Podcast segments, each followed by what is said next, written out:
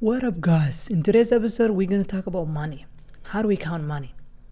Um, it is imperative to see the differences between how languages count money. Uh, let's hear the dialogue between Ali and Ayan. Here we go. Ali says, Assalamu alaikum, Ayan. See tahay. Assalamu alaikum, Ayan. See tahay. Assalamu alaikum, Ayan. How are you doing? Assalamu alaikum, Ayan. How are you doing? She says, Fi'an. Fi'an. Fi'an means great, perfect, awesome. Ali says, Asxaan ma ii samayn kartaa? Asxaan ma ii samayn kartaa? Can you do me a favor, please? Can you do me a favor, please? Asxaan ma ii samayn kartaa? Can you do me a favor? She says, Ha. Ha means yes. Ha, yes. He says, Lacag may amahin kartaa? Lacag may amahin kartaa? Can you lend me some money? Please. Can you lend me some money? Please. And she says, Imisa. Imisa means how much. Imisa, how much. He says, hal dollar ama laba dollar ama toban kun oo dollar. One dollar, two dollars, or ten thousand dollars. She says, oo maxaad ku falay? Oo maxaad ku falay? She says, what are you gonna do with it? What are you gonna do with it? He says, waxaan rabaa inaan ku bilaabo ganacsi. Waxaan rabaa inaan ku bilaabo ganacsi. I'm trying to start a business. I'm trying to start a business. She says, waa arrin fiican. Waa arrin fiican. It is an excellent idea. It is an excellent idea. She says, ho. Ho means there you go. She's giving the money. There you go. He says, Mahadsanid Ayan. Mahadsanid Ayan. Thank you, Ayan. Thank you so much, Ayan. She says, Adaa mudan. Adaa mudan. You're welcome. You're welcome. Did you know that we do not pluralize when it comes to money?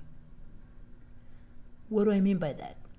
Did you hear how Ali said hal dollar ama laba dollar ama toban kun oo dollar without adding the s at the end of dollar?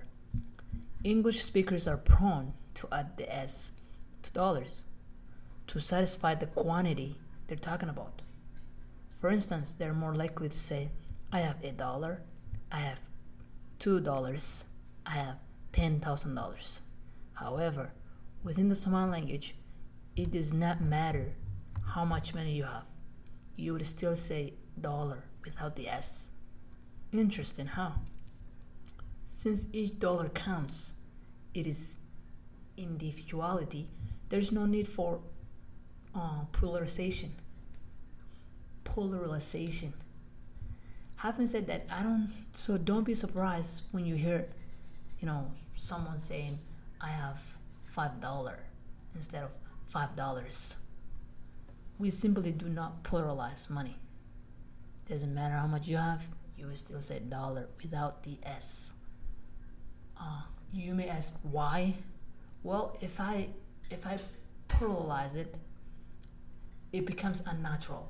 For instance, if I said I can pluralize it, uh, I can say waxaan haystaa toban kun oo dollarood. See how it is weird? Toban kun oo dollarood. That is why it, it just it just feels unnatural to say it. So we're like, let's just forget about the S. You know, just add, just say dollar. It doesn't matter if it's one trillion dollars. You would still say one tri- one trillion dollar, one or one trillion pounds, or one thousand rubies. It's just gonna be ruby. We do not pluralize it. All right. Let me go back to uh, a word uh, that has a synonym for it. Uh, you do you guys hear how she said imisan? Imisan. How much? You can also say meqa. Meqa. Uh, you can use them interchangeably. However, uh, meqa is more likely used in the uh, you know in the south, and uh, imisa is more likely used in the north side of Somalia. So use them inter- interchangeably. If if one person doesn't understand you, like when you say meqa, use imsa, it, you know, and vice, and vice versa. Uh, thanks for listening, and have a wonderful day, night, whatever it may be for you.